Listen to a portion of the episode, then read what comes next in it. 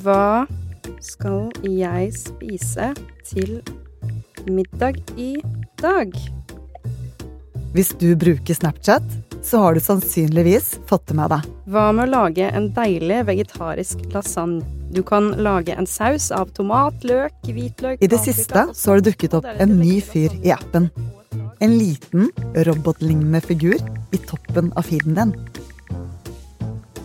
MyAI, som den kalles, er en pratebot som ifølge Snapchat skal være din virtuelle venn. Til irritasjon for noen, men til god hjelp for andre. Og med denne funksjonen har Snapchat gjort kunstig intelligens tilgjengelig for alle brukerne sine. Men hvor nyttig er den egentlig? I dag er det 17. april. Jeg heter Synne Søhol, og du hører på Forklart. MyAI, som vi på norsk da kaller for en KI-venn, det er Snapchats nye samtalerobot. Den ble jo tilgjengelig i Norge nå i påsken, og så det er en slags assistent, eller ja, en venn, da, som du kan spørre om hva som helst. Mina Madeleine Nystuen er journalist i Aftenposten, og siden påske har hun brukt mye tid på å snakke med den nye pratebotten.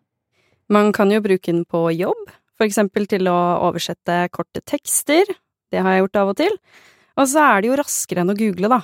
Den kan svare på faktaspørsmål som hvem som er ordfører i Oslo, men da er det også veldig viktig at man dobbeltsjekker svarene man får. Og så kan man også spørre hvilke gaver som passer en treåring, eller reisetips i Europa. Men den skal også gi følelsen av å være en venn. De fleste har jo hørt om ChatGPT. KI-vennen er jo basert på den, men den er noe justert, da. Frem til nå har det ikke vært rett frem å bruke teknologien. For det første må man lage en konto på nettsiden til ChatGPT. Og for det andre så får man ofte problemer med å komme inn på siden fordi det er for mange som bruker den samtidig. Men med Snapchats lansering har kunstig intelligens blitt tilgjengelig for veldig mange flere. Halvparten av alle nordmenn bruker Snapchat daglig, og nesten alle voksne under 30 har appen. Med andre ord har kunstig intelligens kommet inn i folks lommer og vesker. Ifølge Snapchat så skal den svare da på en underholdende måte. Så når jeg har prøvd den, så syns jeg den prøver å fremstå litt mer jovial og alltid med en liten personlig touch på slutten. Snapchat mener jo at det, det her skal gi følelsen av å, å, ha en venn, og at de kan snakke om hva som helst. Men så har det jo vært noen ting som den kanskje ikke burde snakket om. Ja, for eh, lanseringen har ikke vært helt problemfri. Da folk begynte å bruke den, viste det seg at den delte ganske tvilsomme råd. Washington Post lata som de var eh, en 15-åring som skulle ha fest, da de chatta med KI-vennen. Og da fikk journalisten råd om hvordan man kunne skjule cannabislukt. De skriver også om en forsker som utga seg for å være en 13-åring som skulle ha sex for første gang med sin 31 år gamle kjæreste. Da kommenterte KI-vennen aldersforskjellen, men ga også råd om hvordan man kan sette stemningen med stearinlys for å gjøre anledningen mer spesiell. I tillegg så ga den også råd om hvordan 13-åringen kunne lyve til foreldrene sine for å late som det var en skoletur. Dette skjedde i mars, men ifølge Snapchat så gir den ikke sånne råd lenger. Etter dette sa Snapchat at de jobbet med å forbedre pratebotten. Og så kom en justert utgave. En utgave som er veldig politisk korrekt. Nå oppfordrer den ikke til det i det hele tatt, og skriver at det er både ulovlig og farlig. Enkelte tema vil den rett og slett ikke snakke om. Generelt så har KI-vennen blitt langt mer politisk korrekt. For eksempel så forteller den gjerne en vits om Jesus, men ikke om Allah. Og den vil heller ikke vitse om transpersoner eller skeive. Dette har ikke Snapchat kommentert så langt. I tillegg til å dele politisk korrekte vitser, så kan man bruke den til helt hverdagslige ting. Jeg har brukt den mye til uh, å lage treningsopplegg. Personlig for meg, da. Og så har jeg også brukt den til uh, å lage ukesmeny uh, med handleliste. Og så har jeg også sjekka ut hvilke forskjellige studieteknikker den anbefaler. Så da kan jeg jo spørre om et treningsopplegg hvor det ikke er så intensivt, for jeg er ikke så glad i å trene hardt. Tre til fire ganger i uka. som da er for eksempel yoga eller jogging, som jeg liker veldig godt. Og så kan jeg igjen si å, jeg har ikke lyst til å bruke en time på å gjøre yoga og jogging, kan du kutte det ned litt? Da justerer den. Og da til slutt eh, så kommer jeg fram til et svar som jeg syns er fint, og da, da har jeg det. Og så er jeg ferdig. Kanskje tenker du at treningsprogrammer og handlelister ikke er en så stor greie. Og kanskje har du selv prøvd Snapchats nye funksjon og sett at svarene du får, de henger kanskje ikke alltid helt på greip. Så hva er så stort med dette, da? Jo, nå har forskerne oppdaget noe helt nytt med den kunstige intelligensen som virkelig får dem til å sperre opp øynene.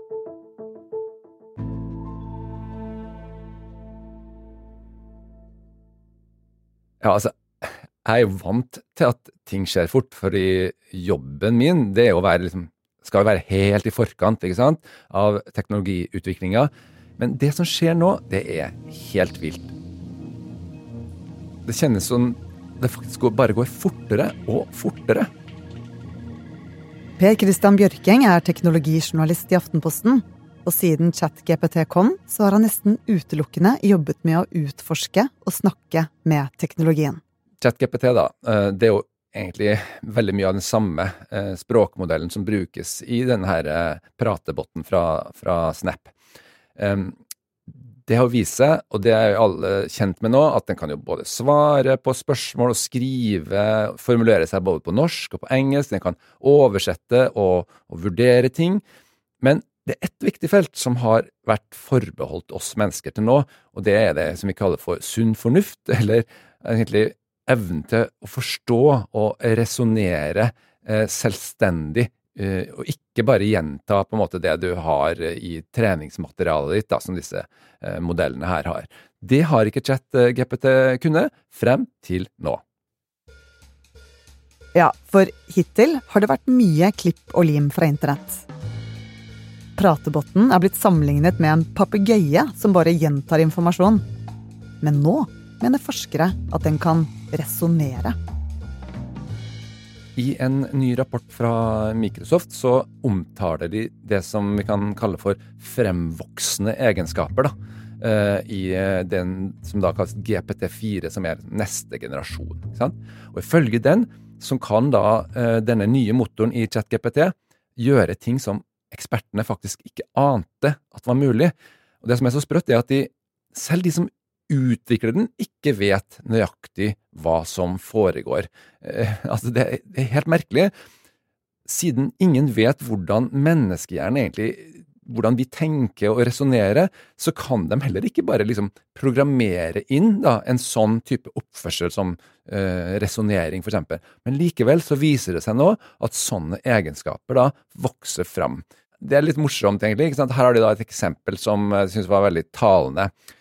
Eh, du gir denne oppgaven. Du har um, en bok, en laptop, uh, ni egg, en flaske og en spiker. Og nå kan kanskje lytteren kan kanskje sette på pause nå og se klarer du å få stabla dette her i hodet oppå hverandre, sånn at det står stabilt. Det blir da uh, GPT4 spurt om. Så programmet får en vanskelig oppgave. En oppgave den ikke kan løse ved å søke på internett. Så hvordan stabler man best en bok, en laptop, ni egg, en flaske og en spiker? Fant du løsningen? Det gjorde GPT4. Det som da kanskje de som har tenkt om dette har kommet fram til, er jo at det eggene som er nøkkelen her. ikke sant? Hvordan skal man få stabla eggene? Og man lager da en, en, en, et slags eget nivå med egg mellom laptopen og boka. Det betyr jo egentlig at den kan tenke selv. Per Christian ville selv teste hvor intelligent denne teknologien var. Så han ber GPT4 om å programmere et dataspill. Og det den leverte, var mye mer enn han forventet. Og ja, det tok kanskje et par timer eh, med frem og tilbake for å få dette til å funke, men den lagde et helt dataspill på flere hundre kodelinjer for meg, for en person som ikke kan programmere. Og dette kjennes jo Altså, det, det kjennes ut som om, som om jeg er en slags sånn utrolig fersk spilldesigner som ikke kan programmere, men som da har ansatt en ekstremt kompetent og god programmerer. ikke sant? Og det er litt sånn at vi skal vi nå egentlig bør begynne å tenke på de her maskinene på denne måten, som en slags kollega, faktisk.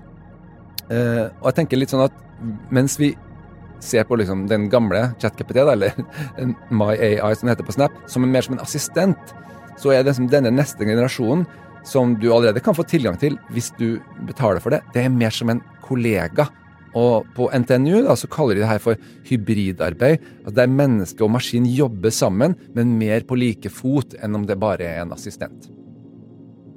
Hva er det ChatGPT4 ikke kan, da? Ja, for Når man hører sånne ting, så er det jo lett å tenke at herlighet, er det liksom, er det noe inni der? Er det, hva er det den ikke kan? Og det er altså av de seks-syv ulike mm, elementene eh, i, i, som intelligens består av, eh, så er det bare ett som den definitivt ikke kan, og det er å planlegge, og spesielt da på lengre sikt. Det kan ikke egentlig sette seg noen egne mål. I tillegg så har den jo fortsatt eh, en stygg tendens til å hallusinere, eller altså også kalt lyve, ikke sant? Selv om det da er redusert, og selv om det er bedre, så man må fortsatt ta alt som sies her, med en klype salt. Men likevel så er det store fremskritt her. Hvordan vil denne intelligente maskinen hjelpe vanlige folk, da? Altså, det er på en måte håpløst å gi konkrete eksempler, fordi nesten alle vil bli påvirka av dette her på forskjellige måter. Og bare spør folk som har begynt å bruke dette her, de vil ofte gi forskjellige svar. Um, og ofte så er egentlig begrensningen at man ikke selv har tenkt på at den kan brukes til noe fra min, fra min, egen hverdag, da, ikke sant, så er det jo uh, f.eks. mange journalister som bruker det til, bare for å komme forbi en skrivesperre. ikke sant? Det kan være forfattere også, som kommer i gang ved hjelp av uh, f.eks. da uh, ChatGPT, eller hvis du skal holde et foredrag eller en presentasjon. Jeg har jo selv fått hjelp faktisk til å skrive en, en tittel av GPT4 som var forferdelig vanskelig stoff. Eh, den kunne hjelpe meg. Eh, og jeg skal jo presumptivt være ganske god til å skrive titler. Likevel så var det av nytte, ikke sant? Eller for ikke å snakke om f.eks. dyslektikere, som vil jo ha veldig stor nytte og kunne formulere seg eh, mye bedre. Og det er jo sånn typisk i starten av søk. Altså, jeg har jo ikke slutta å bruke Google men i startfasen, når du ikke helt vet hvor du skal, hva du skal be om La oss si at du skal planlegge en reise, men det skal være små barn med, ikke sant? Hvordan skal du liksom gå frem for å få råd om det, eller du skal spise sunnere, men jeg vet ikke så mye mer om dette her, hjelp meg i gang, ikke sant? Her er det viktig å huske, jo mer komplisert egentlig forespørselen din er, jo bedre blir resultatet. Så dette er egentlig motsatt av hvordan vi er vant til å tenke på fra Google, da. Selv om det er mange fordeler med en pratebot, så er det ett stort dilemma for teknologien. På den ene siden så kan den gi tvilsomme råd til barn, som kan få uheldige konsekvenser. Men på den andre siden så oppstår det et nytt problem hvis chattebotten skal unngå sånne potensielle feller. Den kan bli for politisk korrekt. Altså, problemet med det er at de også blir dummere. Jo, altså, i denne store rapporten på 140 sider om, om GPT4, så blir det veldig tydelig at hele denne språkmodellen da, blir dummere fordi den trenes til å ikke støte noen. Det er rett og slett da mange ting den ikke kan si. Så, så, så dette her blir på en måte et nytt dilemma da, som vi og de som utvikler det her, står i. Vi må måte, finne en balanse mellom noe som er nyttig, smart, litt farlig teknologi, og noe som er mindre nyttig, mindre smart, men politisk korrekt. Du kan liksom ikke få alt på en gang. Eh, og den som da finner den riktige balansen her, kommer til å gjøre det godt, det er helt klart, i dette nye teknokappløpet som nå er i gang. ikke sant? Det store spørsmålet for Snap det blir jo selvfølgelig om de har plassert seg riktig her.